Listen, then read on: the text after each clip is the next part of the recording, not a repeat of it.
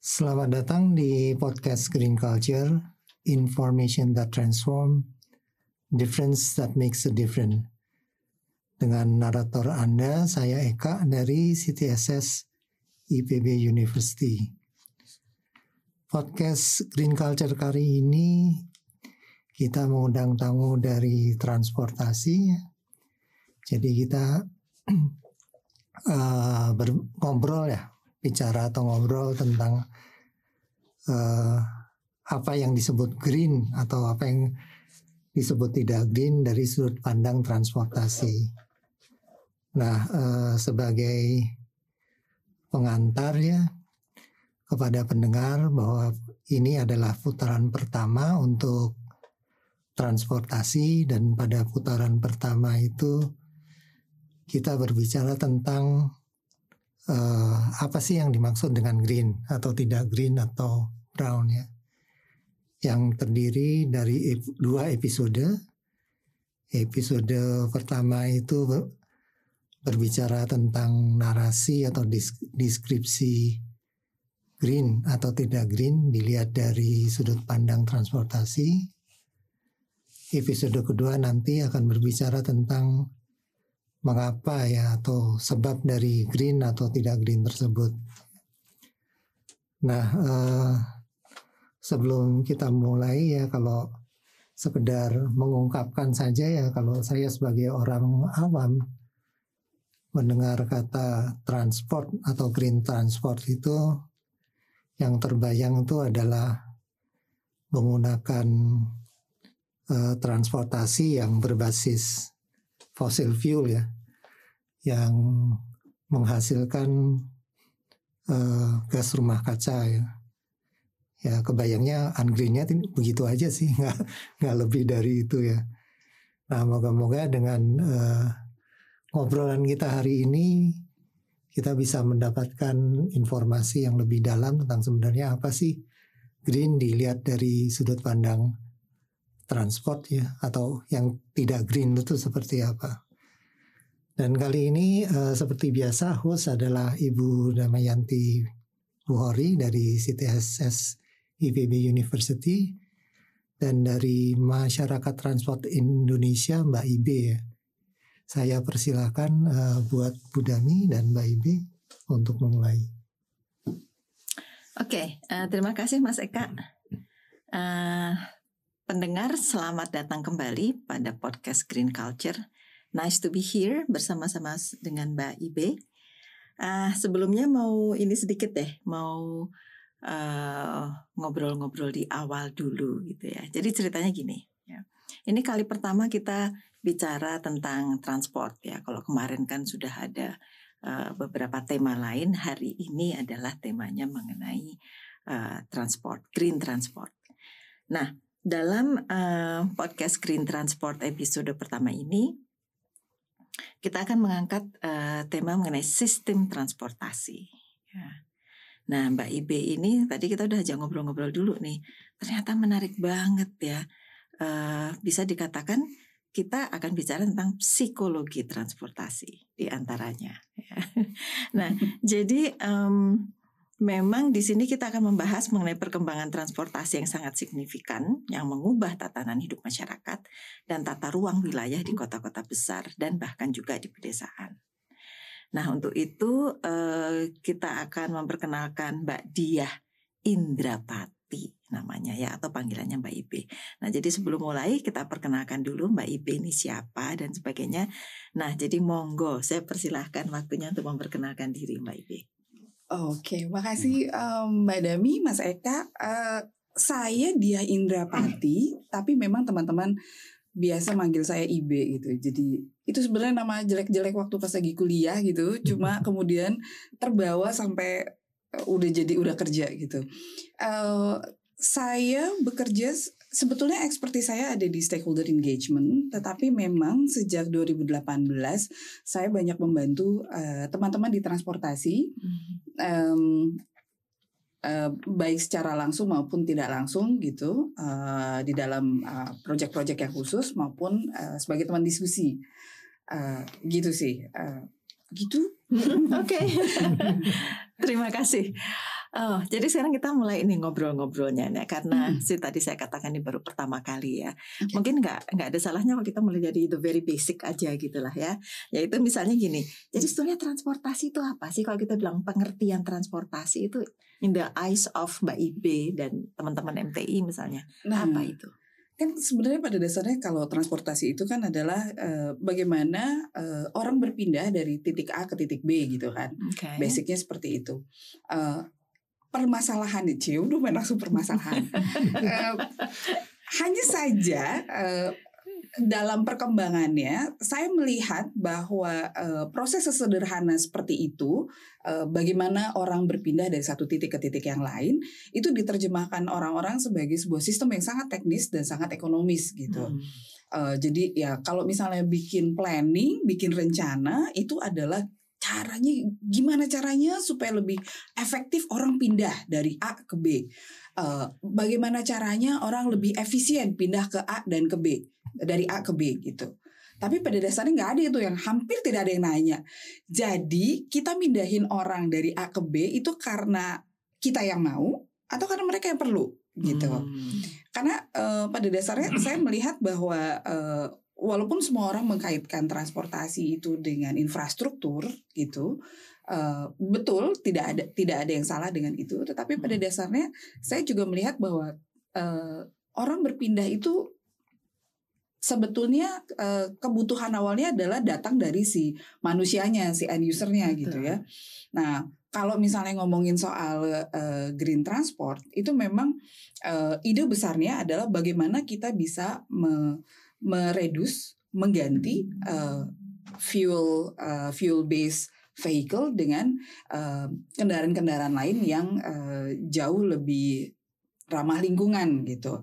Uh, dan kemudian muncul uh, persoalan bagaimana kita bisa uh, satu mengganti kendaraannya jadi yang lebih ramah lingkungan atau gimana supaya orang-orang nggak perlu deh pakai pakai uh, uh, motor pribadi atau uh, mobil pribadi tapi pakai uh, kendaraan publik gitu supaya emisi emisi karbonnya lebih rendah gitu.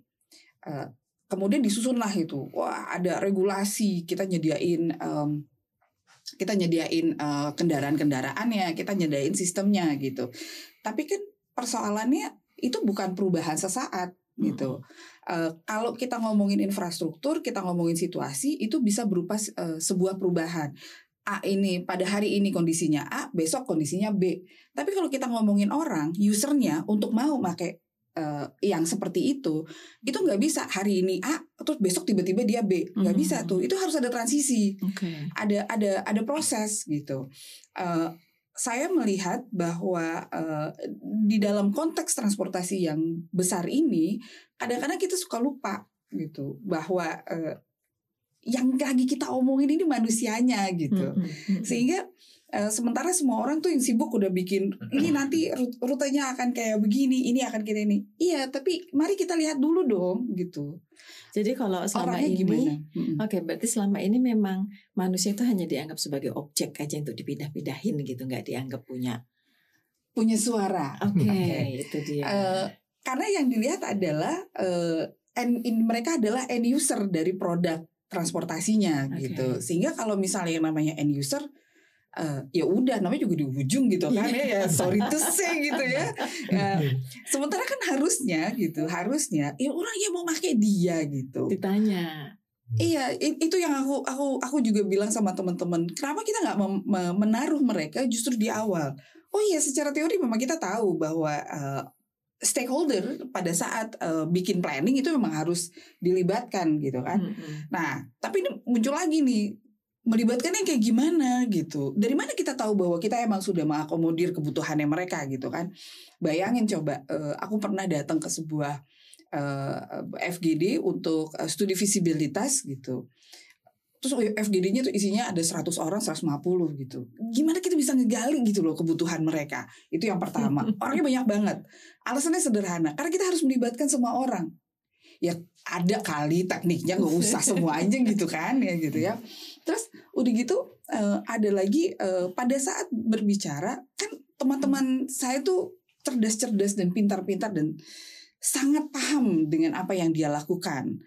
Persoalannya dia lupa bahwa yang eh, stakeholder yang dia undang, para pengguna jalan itu tidak semuanya berada pada tataran knowledge yang sama dengan Mm-mm. dengan teman-teman saya ini gitu. Mm-mm. Jadi waktu mereka ngomong gitu ya dengan jargon yang indah-indah dan gagah berani itu gitu, terus eh, supir truk, supir taksi, supir ojol, eh, supir angkot gitu, mereka cuma yang oh iya pak, oh iya iya gitu.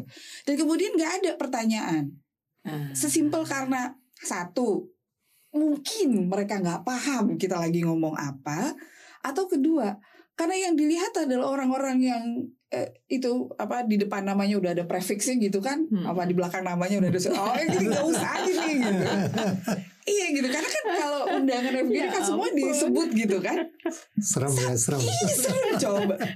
Aku aja di di wawancara kayak begini aja aku serem apalagi mereka gitu. Bayangin jadi mereka bisa jadi mereka tidak bicara bukan karena mereka memang nggak ada pertanyaan gitu. Hmm. mau nanya apa? Gitu. Jadi eh, waktu eh, beberapa tahun lalu ketika aku mulai di engage untuk persoalan transportasi gitu eh, yang yang kami lakukan waktu itu adalah kita emang duduk bareng dengan mereka gitu dan memang ngedengerin gitu. Dimulai dari em, kalau istilah mentorku adalah mari membaca lewat telinga gitu. Jadi kita ngedengerin mereka ngomong gitu. Hmm. Iya memang sih eh, it takes time dan kalau misalnya ada teman-teman yang yang bikin planning budget dia akan bilang bahwa apakah proses yang lama ini akan membuat kita lebih cepat mendapatkan keuntungan. Terus aku bilang kalau ngomongnya green culture, eh, green transportasi, ngomonginnya sustainable, situ mau sustain apa enggak gitu Oke. kan? Dan yang persoalannya eh, jangan jangan lantas menganggap bahwa stakeholder pengguna jalan itu hanya end user dan karenanya juga ditaruh di belakang gitu. Kenapa nggak kita tarik aja deh gitu? Mereka bayar pajak loh satu. Mereka bayar Hmm. bayar fair kalau mereka naik eh, transport publik transport, gitu. ah. Kenapa kita nggak bilang bahwa mereka adalah shareholdernya? Kenapa kita Hmm. mesti bilang bahwa shareholder dari publik transport eh, dari transportasi itu adalah para um, eh, pemerintah dan eh, para investor. Kenapa nggak masyarakat kita taruh di shareholder? Dan dengan demikian pandangan kita akan berubah sama mereka. Jadi kita bakal ngedengerin mereka tuh dari awal tuh kan. Oke Hmm. maunya apa gitu? Ya karena mereka bukan shareholder. Oke. Oke. Iya. Balik lagi kenapa kita bikin segala macam ini? Karena ada kebutuhan manusia untuk pindah dari A ke B. Ya wis tuh, kita ngomong dulu soal manusianya Mm-mm. gitu. Aku aku melihat bahwa kalau kita mau membuat sesuatu yang lebih sustain gitu, maka mari kita kita bicara dulu, kita melihat dulu dari siapa yang nanti akan menggunakan Hmm. si produk quote in quote Hmm. produk kayak kita gitu sih sebetulnya. Ini ini menarik sekali karena sebetulnya disampaikan oleh Mbak Ibe ini berarti you're looking at it at a holistic point of view. Ya, yang selama ini memang eh, pemerintah eh, lebih dan mungkin swasta lah bukan pemerintah aja.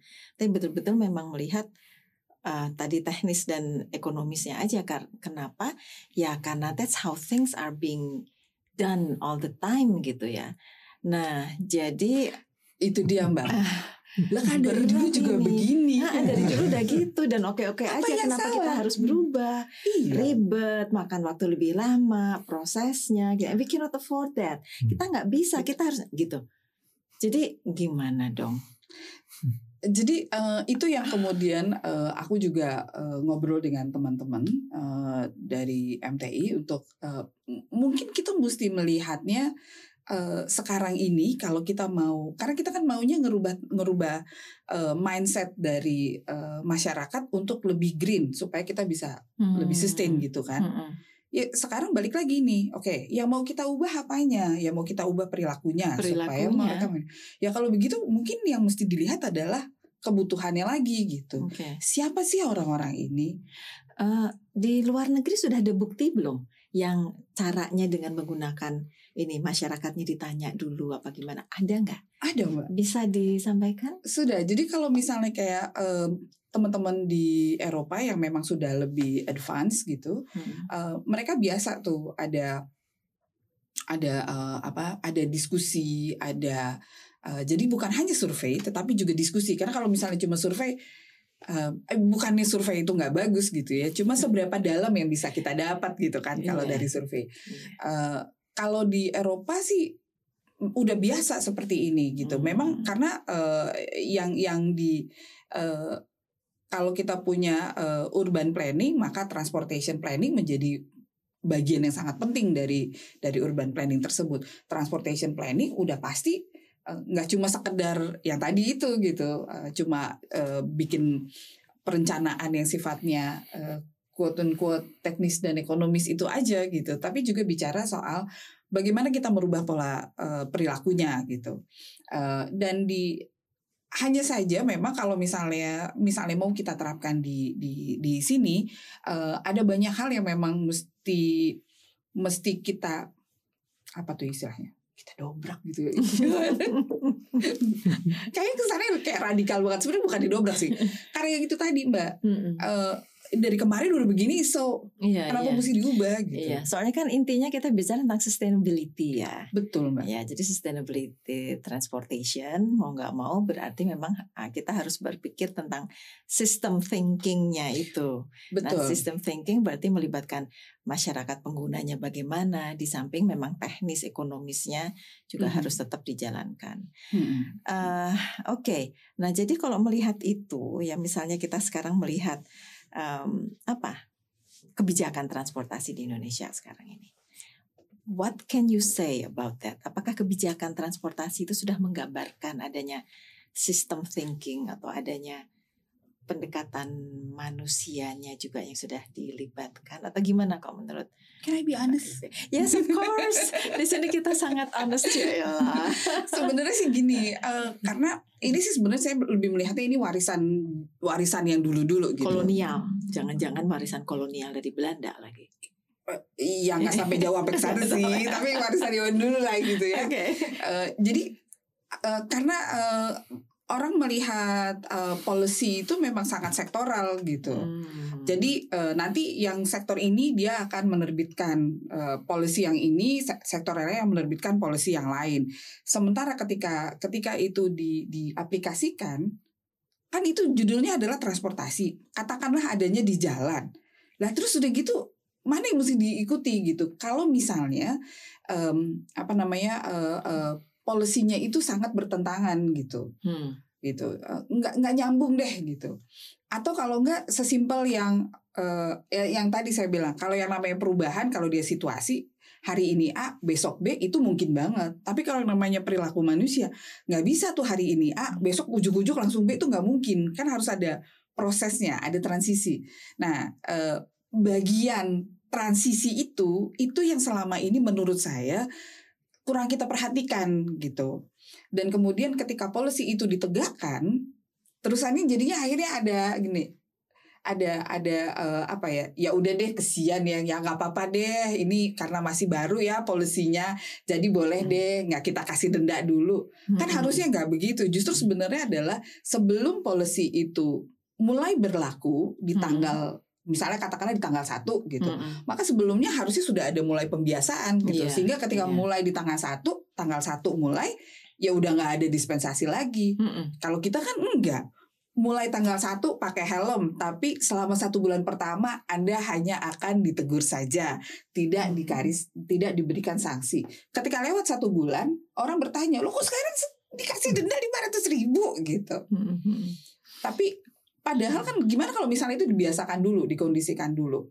Em, aku melihat bahwa yang yang melakukan seperti itu tuh ada eh, ada perilaku yang ter- untuk transportasi sih. Eh, waktu kita mulai pakai seat belt dan Hmm. kita pakai eh, helm. Iya itu seatbelt dulu susah banget loh. Tapi sekarang udah ada budaya seatbelt. Betul, karena kita dikasih eh, cukup waktu Hmm. untuk menjadikan itu sebuah kebiasaan. Oke. eh, Jadi itu dan- contoh baik ya. Contoh baik kalau yang Oke. itu. Jadi eh, dan kemudian penegakan hukumnya juga eh, comply-nya tuh beneran gitu. Hmm. Ya nggak ada gitu ya kasih 50 ribu yang penting lolos gitu. itu tuh cuma eh, ada lah di hari-hari awal gitu kan. Tapi setelah itu kan enggak. Jadi, cukup gitu. Hmm. Sehingga memang orang menjadi menjadi eh, mikir gitu. Oke, sejuta apa langsung pakai? Ya udahlah mendingan pakai aja daripada sejuta gitu kan. Mm, mm, mm. Karena ada ada bagian itunya gitu sih. Oke, saya mau eh, ngomong ini ya karena kaitannya dengan perilaku dan mungkin juga contoh konkret ya. Orang Indonesia ini kan males. Ya, males jalan maksud saya gitu. Indonesia tuh males jalan, makanya ke mana-mana kan naik gojek, naik ojek, naik apa jarak dikit juga males jalan, harus naik ojek. Nah, kalau kita bicara tentang transportasi, ya dengan masyarakat yang males jalan seperti ini, gimana ya? Apa nggak berat sekali karena ketika contoh nyata nih di Palembang kan membangun apa itu MRT apa apa ya kan Palembang punya MRT. Nah MRT-nya itu kan sering kosong. Nah waktu saya ke sana saya tanya sama teman-teman di sana jawabannya iya soalnya tanggung. Kalau turunnya di sini nanti suka menuju ke tempatnya saya masih harus jalan sekian menit. Jadi tetap harus naik gojek daripada naik gojek dari hanya sekian menit sekalian aja dari rumah. Jadi MRT itu kemudian kayaknya I'm I'm not an, uh, analyzing karena saya bukan ahli transportasi. Cuma dari beberapa teman yang saya ajak ngobrol di Palembang selalu jawabannya itu sama itu itu aja.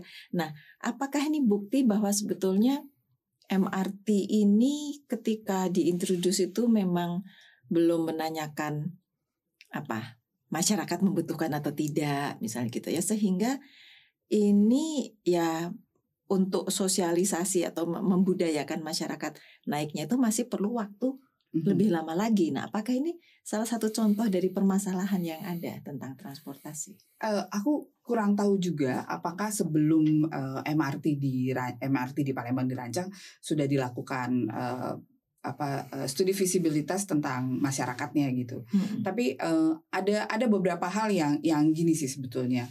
Um, ini kalau kita ngomong dari sudut psikologi lingkungan deh ya gitu misalnya uh, kenapa orang uh, uh, ada ada angkot di jalan itu itu karena ada orang berkumpul sehingga kemudian ada angkot gitu.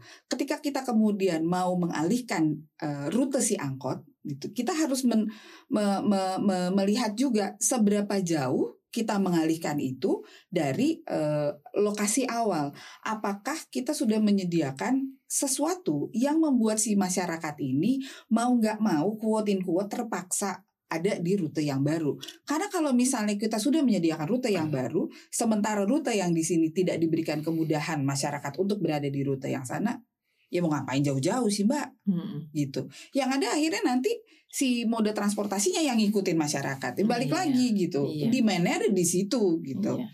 Kalau misalnya bicara soal MRT, mungkin yang mesti dilihat adalah uh, pola lalu lintas masyarakatnya bergeraknya kayak apa gitu. Dan apakah kita sudah merancang uh, lain itu sesuai dengan pola lalu lintas bergeraknya masyarakat gitu. Kalau misalnya jaraknya jauh dari kebiasaan mereka, ya gimana kita mau minta mereka make gitu kan? Karena nanti ada pertanyaan itu. Ya ke sananya first mile-nya udah pakai ojek ojeknya harganya sekian. Hmm. jalannya aja itu setengah jam. Kemudian nanti di perhentian terakhir sebelum saya sampai ke tempat tujuan saya last mile-nya saya masih harus naik ojek lagi. Nggak hmm. praktis. Orang akan melihatnya begitu. Balik lagi kita melakukan segala sesuatunya ketika itu sudah menjadi habit, kita kan nggak pakai mikir gitu kan ya Mas, ya Mbak, gitu ya, kan? Ya emang betul. Kalau misalnya nyetir gitu ya, nyetir mobil aja gitu, ambil kunci, masuk mau ke kantor gitu, ambil kunci, masuk mobil, jalan, kita udah nggak mikir lagi nih, kita mau lewat mana nih jalannya jarang tuh nggak pernah hampir nggak pernah. Habit baru terjadi habit baru berubah ketika kemudian kita pindah rumah atau kita pindah kerja. Baru tuh mikir waktu hari-hari pertama kan lewat mana nih? Lewat mana nih? Gitu. Baru tuh belajar tuh gitu. Atau misalnya ketika kita bergerak di jalan terus tiba-tiba ada sesuatu yang membuat kita stuck gitu misalnya. Atau apa baru kita mikir tuh oke okay, kita lewat mana nih? Tapi kalau misalnya nggak ada aman-aman aja baik-baik aja hampir nggak pakai mikir itu karena udah habit gitu udah hmm. udah uh, sudah ada pola secara kognitif di kepala kita yang membuat kita ya itu tadi karena polanya berulang kan repetitif gitu nah itu juga yang terjadi dengan dengan kalau kita mau naik apa hmm. berangkat kerja berangkat ke sekolah berangkat ke pasar ketika itu hmm. sudah menjadi habitual ya kita mesti nyari sesuatu nih yang membuat mereka melupakan habitnya Okay. Which is itu pakai proses tentunya. Iya, iya. Uh, saya melihat uh, kenapa MRT di Jakarta menjadi lebih mudah digunakan oleh uh, para para penggunanya karena dia berada di jalur utama, Jalur utama. pergerakan Hmm. masyarakat gitu. Jadi ya gimana ya Bisa berha- pasti dipakai gitu kan. Mm-mm. Mereka datang dari itu eh, karena MRT motong dari outskirt Jakarta sampai ke titik tengah, ya pasti dipakai. Hmm. Karena Jadi memang kalau- bergeraknya begitu. Oke, jadi kalau kayak gini nggak perlu ditanya end usernya ya, karena kita udah tahu by design aja, oh pasti orang akan pakai, jadi nggak perlu ya. Bukan bukan nggak ditanya, sudah dilakukan observasi, Oke, membaca tadi gitu. oke. Persoalannya kalau misalnya gitu. eh, kalau nggak pakai nggak pakai nanya nggak pakai observasi terus kita main hitung hitungan kayak oh ini tanahnya murah nih di sini gitu Oke, got it. gitu. Eh, saya sempat melihat soalnya ada beberapa jalan yang em, dibuat gitu, terus kemudian nggak terlalu rame dipakai orang gitu. Ada jalan atau ada eh, apalagi kan kalau di di transportasi infrastrukturnya tidak cuma jalan, tapi misalnya kayak hmm, terminal gitu. Terminalnya nggak dipakai. Kenapa? Karena orang biasanya turun di terminal itu supaya dia lebih mudah ke pasar. Ketika terminalnya kemudian dipindahkan yang jauh dari pasar, seorang nggak pakai. Hmm. Kenapa? Malah ada muncul terminal bayangan gitu. Iya, sering. Iya, simple. Demandnya nggak susah harus Hmm. ke sini gitu, karena dia Hmm. bawa belanjaan gitu misalnya. Nah, sekarang ini karena kita topiknya green transport ya, jadi saya berusaha untuk uh, memikirkan bagaimana caranya. Jadi salah satu isu yang green transport itu kan misalnya bagaimana kita menggunakan mass transport itu dari orang yang tadinya naik mobil sendiri-sendiri itu atau naik motor sendiri-sendiri itu kemudian sekarang dibangunlah MRT lah, LRT lah, terus uh, TT lah yang lain gitu lah ya. Nah, eh, harapannya ketika masyarakat tidak menggunakan mobil sendiri itu akan Hmm. menurunkan emisi. Betul. Ya. Em, makanya kalau dari Bogor kemudian ada kereta listrik gitu kan ya, kemudian bisa diganti MRT. Nah ini menuntut adanya perubahan perilaku ya. Nah, jadi saya mau nanya sejauh mana perubahan perilaku yang seperti ini yang akan menuju pada green transport ini itu memang apa cukup berhasil atau tidak yang selama ini yang diketahui oleh Mbak Ibe bagaimana mungkin bukan hanya dari Indonesia aja misalnya kalau dari negara-negara lain. Uh, is it because ketika pun orang berubah itu apakah karena memang dia sadar harus green atau lebih karena ekonomi? Oke. ya Ih, susah pertanyaan. gimana susah. Em, kalau ini ini eh, ini salah satu topik di di eh, psikologi transportasi sih bicara soal pilihan moda transport gitu. Hmm. Em, betul bahwa eh, kayak tadi yang aku bilang bahwa kalau kita memang mau mengubah habit gitu harus ada sesuatunya dulu gitu kan. Nah, eh, yang paling utama adalah selain alasan, tapi juga ada ketersediaan. Mau kita ngerasa bahwa iya nih ini nggak apa eh, pakai mobil sendiri ini nggak sesuai dengan eh, nilai-nilai ramah lingkungan yang aku percayai gitu ya misalnya gitu. Terus kemudian aku mau ganti deh jadi pakai eh, transportasi publik gitu. Apalagi kalau misalnya eh, bisnya sudah yang eh, pakai eh, solar panel atau pakai Hmm. eh, bis listrik gitu misalnya atau Tapi- biofuel atau gitu ya. biofuel.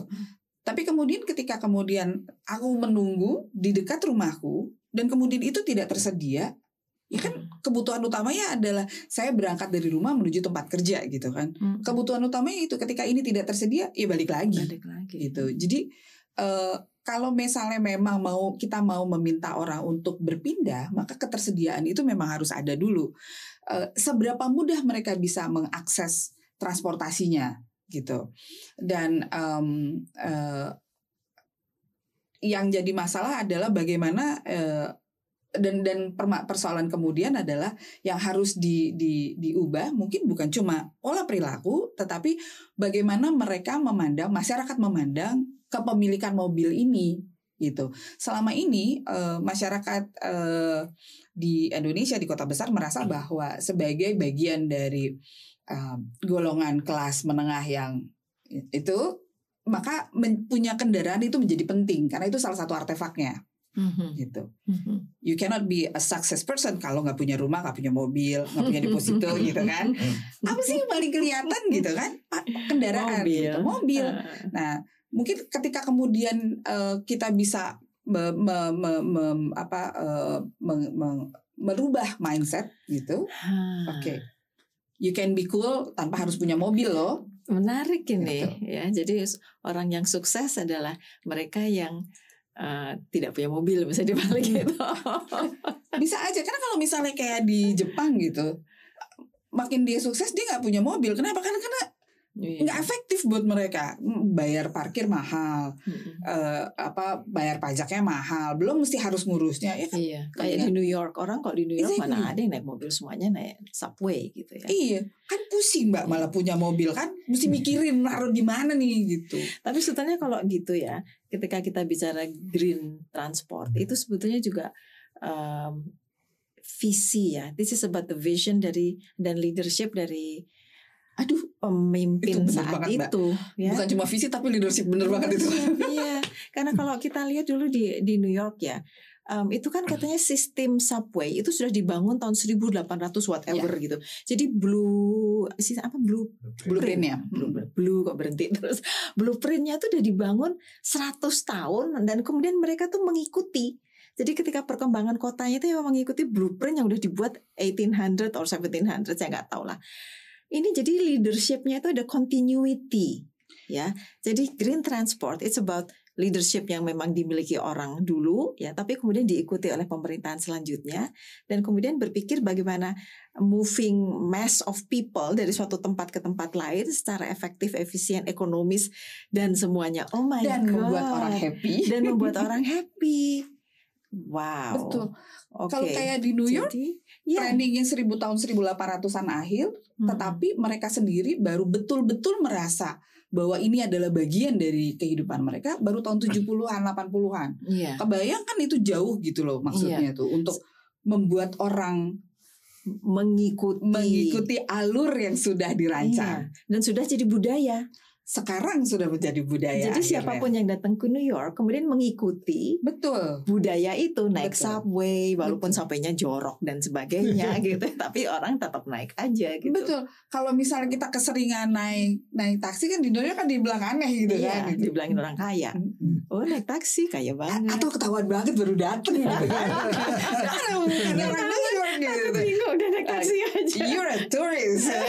that's Ya, true that's true gitu sih. Eh, Ah, oke. problem problem kita memang di di Indonesia memang eh, persoalan tadi um, eh, regulatory yang memang cukup kompleks. Bagaimana kita bisa mendudukan semua eh, stakeholder yang punya kepentingan berada di tataran eh, kesepahaman yang sama dan dan dan meyakinkan mereka bahwa nih nih kita ada di sini bareng-bareng gitu. Nggak- dan dan nggak ada yang lebih penting dan nggak ada yang kurang penting gitu. Itu meyakinkan itu yang pertama. Terus kedua bahwa bagaimana ini memang memang eh, secara konsisten dan committed gitu kita lakukan gitu. Sehingga Hmm. leadership menjadi penting. Iya leadership. Um, something yang mau disampaikan Mas Eka? Aja. Lanjut. Aja dulu. Oke. Em, ini nggak nggak ilmiah ilmiah pakai jargon jargon nggak apa-apa ya Enggak karena memang kita kan di sini ingin eh, para pendengar kita ini lebih memahami kaitan antara budaya hijau dengan transportasi. Ya, tujuan utamanya itu sehingga kemudian harapannya teman-teman yang mendengarkan ini akan wawasannya diperluas, mindsetnya juga kemudian berubah. Bahkan ini kan harapannya memang didengarkan oleh teman-teman dari seluruh Indonesia, dari pulau-pulau yang lain sehingga siapa tahu teman-teman itu nanti cerung-cerung-cerung gitu dapat insight ya untuk berbicara juga tentang green transport di Hmm. Sumba, di Maluku, di wherever gitulah ya. Itu akan menarik banget. aku malah pikir bahwa eh, Jakarta memang memang menjadi eh, contoh utama showcase utama dari dari green transport dan sustainable transport gitu ya Mm-mm. dengan sistem yang eh, cukup kompleks dan cukup em, menyeluruh yang dibangun oleh Jakarta. Eh, apa eh, saya melihat bahwa kota-kota lain gitu eh, para calon kota besar, terutama yang ada di Indonesia Timur, kalau misalnya teman-teman bisa mulai dari sekarang gitu dan tidak mengulang uh, kesalahan kesalahan Jakarta, Hmm. itu maka mereka akan bisa uh, me- membangun sebuah sistem dan sebuah budaya budaya hijau dan Hmm. budaya transport hijau yang jauh lebih solid kalau mereka mulai dari sekarang sebetulnya. Jadi mereka nggak akan ngalamin uh, Jakarta tahun 2005-2010 yang Macet. kita macetnya luar biasa. Hmm. Kita butuh waktu 3 sampai 4 jam dari Bogor sampai Hmm. tengah kota gitu kan. Hmm, hmm, Um, betul. kalau misalnya itu bisa nggak perlu diulang gitu. Iya, learn from the mistakes gitu. Ya, ya. gitu. Iya. Aku pikir itu yang akan Itu lebih baik. banget, Be- bener banget. Kalau saya ngelihat uh, sebuah kesalahan ya yang juga sudah terjadi itu adalah perkembangan di Kalimantan. Ya, kita tahu bahwa Kalimantan itu kan sungai-sungainya luar biasa.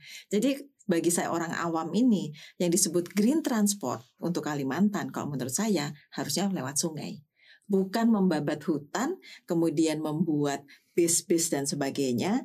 Ya, tapi justru bagaimana jalur transportasi lewat sungai itulah yang lebih yang diperkuat. Iya, betul. Harusnya seperti itu, tapi kan tidak kan? Betul. Iya. Eh, itu itu eh, apa ya kalau saya bilang ya eh, kalau kalau eh minta maaf ya teman-teman ya. I was going to ask. aku ngeliat soalnya kalau misalnya di di Kalimantan karena kebetulan aku banyak menghabiskan waktu Hmm, keliling-keliling gitu. hmm, Buat aku juga agak redundant ketika jalan raya itu dibangun bersisian dengan sungai Dengan gitu. sungai betul. Apa sih gitu kan apa Gitu. sih gitu. Iya. Terus kemudian eh, masyarakat juga nggak mau pakai karena lebih mudah naik lebih cepet kan naik ketinting daripada Hmm. naik eh, mobil gitu. Iya. Belum lagi karena mereka tidak terbiasa eh, kalau naik mobil pusing.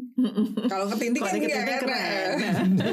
Tapi di sisi lain sebagai eh, bagian dari um, urban society gitu Mm. kan penting dong untuk kasih lihat bahwa saya berhasil saya punya mobil. Iya, makanya kemudian Itu orang lagi beli, gitu. beli mobil walaupun sebenarnya belum ada jalan di situ orang Belum punya ada mobil jalan. duluan. Iya, Seperti betul. orang beli lemari es kemudian ditaruh di masyarakat pedalaman mana gitu tapi belum Belum ada listrik listrik, tapi aku punya lemari es dulu. Oh my god. betul. Itu. betul. Eh, Betul karena soalnya kita di masyarakat kita ya itu tadi itu artefak dari hmm, dari keberhasilan kesuksesan adalah punya ini punya ini punya ini dan Oke. salah satunya mobil. Oke. Jadi ya Oke. jadi kalau, Kalau kita gitu, mau mengubah Iya. perilaku menjadi lebih green mungkin kita harus mulai dari mindset ya dulu yang diubah. mindset iya itu itu titik penting sekali dan ternyata tanpa terasa waktunya juga sudah uh, apa sudah come to the end of of this uh, ngobrol-ngobrol ini. Jadi mungkin dari sini dari diskusi kita yang setengah jam ini saya kok justru ting ting ting insight-nya tadi malah saya yang dapat. Dan di antaranya yang bisa saya apa share di sini adalah uh, well first of all um, isu transportasi itu in the end it's about the human ya. Betul. Betul banget, Mbak. It's about the human, lagi-lagi it's about the local culture. Jadi keunik untuk membangun green transport, kita harus memahami budaya dan memahami local context dari the ecology of the kota. Setuju. Jangan-jangan harusnya ke situ sehingga harusnya ketika yang dibangun adalah eh, apa tadi di pedalaman Kalimantan itu eh, transportasi air, do so gitu, Iya. bukan menebang hutan dan sebagainya. Dan untuk Jakarta, ya bagaimana learn from the mistake of Jakarta untuk menjadi lebih baik. bagi Jadi karena Indonesia ini showcase-nya yang pertama gitu. gitu. Jadi kita ambil yang bagus, nggak usah kita ulang mistake-nya gitu. Oke, oke, penting sekali. Terima kasih Mbak Ibe. Sama-sama Mbak, sama-sama Mas. Terima kasih juga karena sudah mengundang saya. Oke, dan saya kembalikan kepada Mas Eka. Ya, eh, terima kasih sekali kepada Bu Dami, Mbak Ibe atas obrolan yang menarik sekali ini hari ini. Saya rasa juga sudah dirangkum dan saya tidak akan berkepanjangan. Jadi sampai ketemu di episode kedua untuk Green Transport.